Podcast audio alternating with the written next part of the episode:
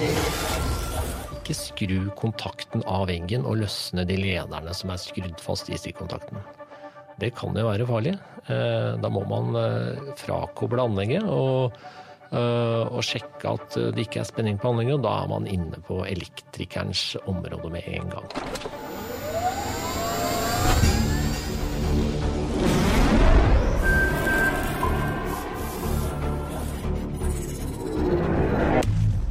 Velkommen til Teknisk sett, en podkast fra TU. Mitt navn er Jan Moberg, og jeg er her som sedvanlig med Odd-Rikard Valmot. Hei, Jan. Hei, Odd-Rikard. Du, i stedet for å ta, uh, ta utgangspunkt i denne lista di med alle favorittemaene dine, tenkte jeg at vi kunne ta utgangspunkt i den lista med alt du burde slutte å gjøre. Den er lang, ja. ja da. Du er sikkert ikke alene om den, altså. Men eh, Det spiser mindre på topp, ja, tenker jeg. ja, den er jo eh, velkjent for oss som kjenner deg. Men, eh, men det er en del andre ting òg. Det er mange som er skyldige i det jeg tenkte vi skulle snakke om i dag. Ja da. Det er eh, Det er mange som kommer til å få dårlig samvittighet som hører på nå. Ja, fordi når jeg går rundt på, på disse byggvarebutikkene eller eh, Claes Olsson eller hvor som helst, så kan jeg få kjøpt alt mulig av sånn elutstyr for å montere Ja, hjemme. Altså, alt som er ulovlig, ligger jo der og frister. ikke sant? Og ikke bare el, rører, Ja. deler og sånn. Vi har ikke lov til å installere der, vi. Ja, for du har satt opp noen uh, stikkontakter ja, og lagt litt strøm? strøm. Jeg tror jeg begynte som 14-åring hjemme hos mora og faren min. Ja. Uh, det første jeg husker hvor jeg virkelig bomma, det var når jeg skulle sette opp en sånn rekke med farva lys. Og ja, for det, det måtte du jo det måtte jeg ha på rommet mitt, ikke sant? og det er seriekobler. Og da lærte jeg forskjellen på seriekobling og parallellkobling. For jeg skjønte jo ikke hvorfor det her ikke virka. Nei. Men, men etter hvert når jeg så tok, klarte jeg å parallellkoble der, og da virka det. Ja, det farga lys. Det var ganske harry, men det virka. Du, det skulle vi gjerne sett, men vi må jo få et svar på dette her. Hvorfor er alt dette tilgjengelig for oss når vi ikke er, har lov til å bruke det? Og selv om du sikkert er en veldig god elektroinstallatør, Odd-Rikard, så har du jo har du ikke lov, selv du. Nei. For du er jo egentlig ikke autorisert. Jeg prøvde å bli det en gang, men det gikk ikke. Men vi har fått tak i leder av eh, det lokale eltilsyn fra Hafslund Nett, eh, Frode Remvang. Velkommen. Takk. Du hører vi legger kortene på bordet og innser at her har vi drevet med noe vi ikke skulle. Ja, det er fint at man erkjenner det. Men vi må få svar. Hvorfor, kan, hvorfor er alt dette tilgjengelig for oss, da? Ja, eh, det skjedde en endring eh, gjennom EU-reglene som eh, tilgjengeliggjorde alt eh, elektromateriell åpent i markedet for alle. Eh, Tidligere så var det ikke sånn. Da var det forholdsvis de autoriserte installatørene, som det ble kalt den gangen, Ja. som hadde tilgang til å kjøpe den type materiell. da. I et såkalt proffmarked. Og da, og da Ja, var Det husker vi også, Odd-Rikard. Ja da, jeg har vært kjente mye både rørlegger og elektrofolk. Men, men øh, hva skjer nå, da? Er det mer bruk av det? Altså, av, Ja, Nå ligger du jo inne, inne på alle disse byggvarehusene. Eh, Det kan jo være brytere, jordfeilvern, det er spesielt varmekabler. Skal du bygge om ballet ditt, så er du ute for å se etter nye fliser, og da ligger varmekablene ved siden av. Men det er jo sånn at eh, eh, disse varmekablene de må eh, monteres av en godkjent elektriker gjennom en eh, godkjent elektrovirksomhet. Ja. Det kan man ikke legge selv ned i støpen, og man kan heller ikke da tilkoble det til strømmen hjemme, for å si det enkelt. likevel er det tilgjengelig, ja.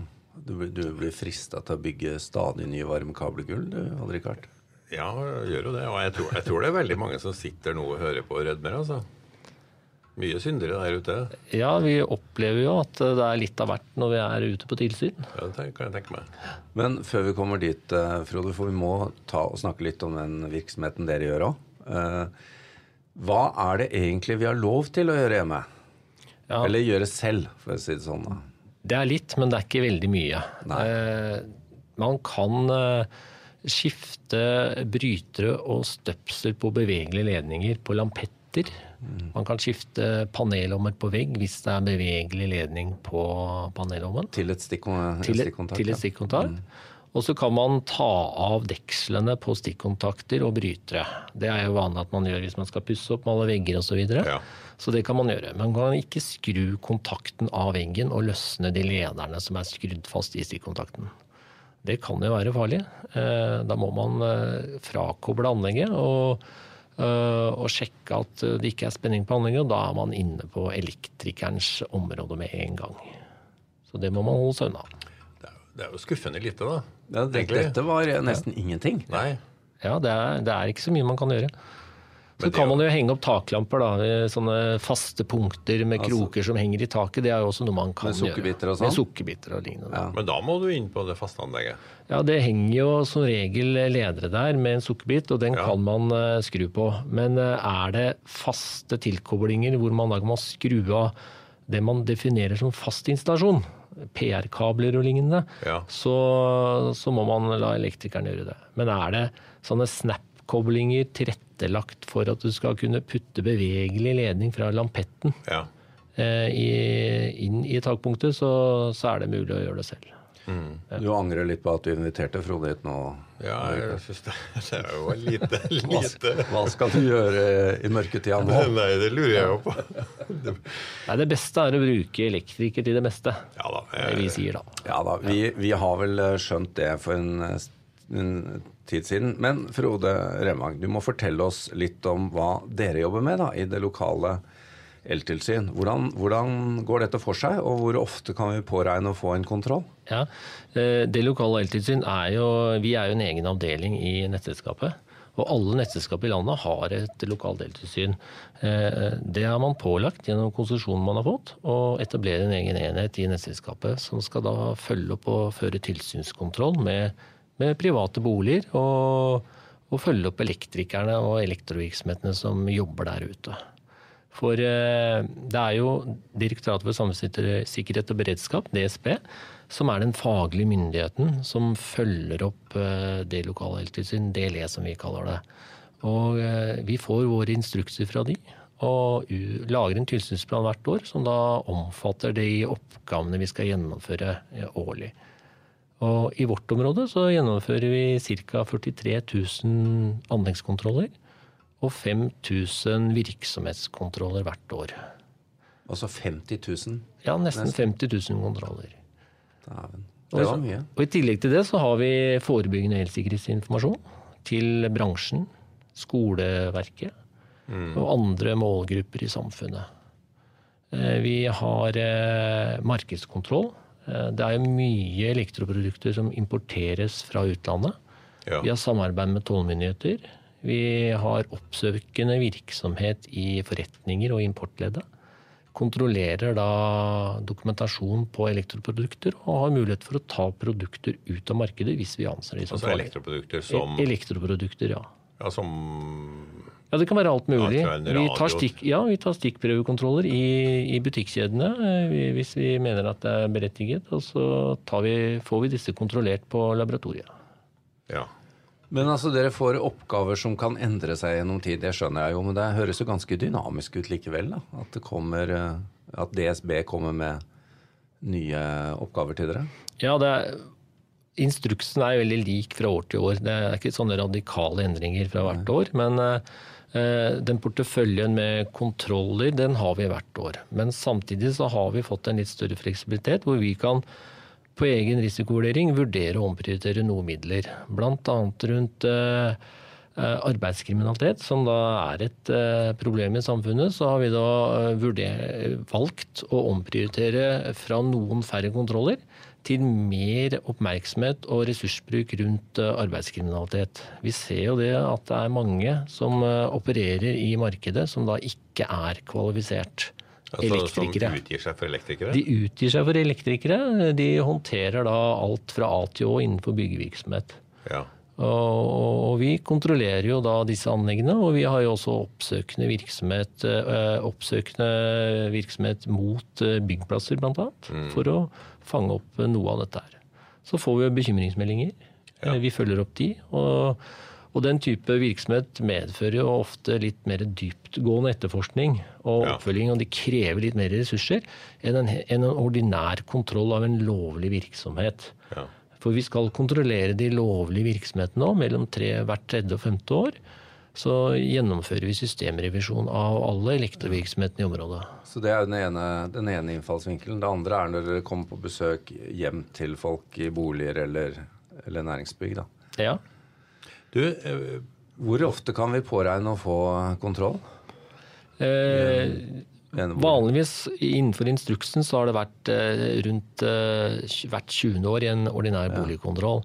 Men, eh, men samtidig så jobbes det i bransjen nå med å, å legge til grunn en del andre risikokriterier. For å se om man skal gjøre det hyppigere, eller, eller velge andre objekter å kontrollere da, som er mer nødvendig ut fra en total risikovurdering.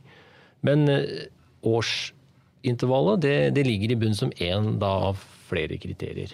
altså hvilke andre kriterier Ja, det kan om? være type bygningsmasse. Er det trebehusbebyggelse? Er det verneverdig? Osv. Ja.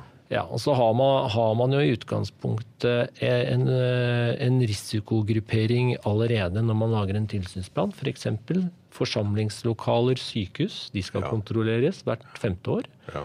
I motsetning til eh, hytter som har vært eh, 30. år. ja. Så det, det går litt på typen bruk, eh, hvor eksponert eh, bygningsmassen er for eh, borgerne osv. Så, mm. Ja. Du, eh, når dere snakker om en bil, en bil som er riktig gammel, den har du lov å kjøre uten sikkerhetsbelter. For den var ikke Ja, er. Da er den gammel. Men er det sånn med boliger også? Jeg har et hus fra 1932. Har det andre regler enn hus i dag? Ja, det er riktig. Når vi gjennomfører våre kontroller, så må vi forholde oss til de reglene som gjaldt på byggetidspunktet. Og, og det, det er, gjør det jo litt utfordrende for kontrolløren, for han kan jo da gå eh, fra en kontroll fra, på et bygg som er 60 år gammelt, til en nyanleggskontroll på et bygg som eh, knapt nok er helt ferdig. Og imellom der så er det ganske mange regler som har vært justert. Eller til og med en blanding av eh, Eller en blanding. Det kan være gammelt og nytt i samme bygg, da, ved et påbygg f.eks. Men uh, Frode, vi må spørre deg nå uh, om, det, om det er en sånn toppliste over ting som er feil. Altså, Er det gjentagende ting? Er det noe vi bør være veldig oppmerksomme på? Ja, det er noen ting. Altså, vi, vi opplever eh, ofte varmekabler som det er jordfeil på. Det, det kan jo ha sin årsak i det vi var inne på før, at det er noen som har lagt dette selv, eller at det faktisk er at man har vært uvørende i prosessen når man støper f.eks. Det kan jo gjøre at da ødelegger man kablene over tid. Så det er en, en type feil som vi, vi opplever. Så er det jordfeil generelt. er jo et eh, er jo en sak som eh, eh, oppstår innimellom i IT-nett. Eh, I dag så har vi rundt en tre, behandler vi rundt en 3000 jordfeil eh, årlig. Eh, Og det vil jo bare øke i omfang, for nå tar man i bruk en ny teknologi. Eh, Disse nye AMS-målerne som alle har fått. Ja. Riktig. Eh, De gjør jo at vi nå kan Nå har vi jobbet en del med, med teknologien, slik at man kan få avdekket i hvilket, hvilken bolig og hvilken målepunkt det oppstår jordfeil.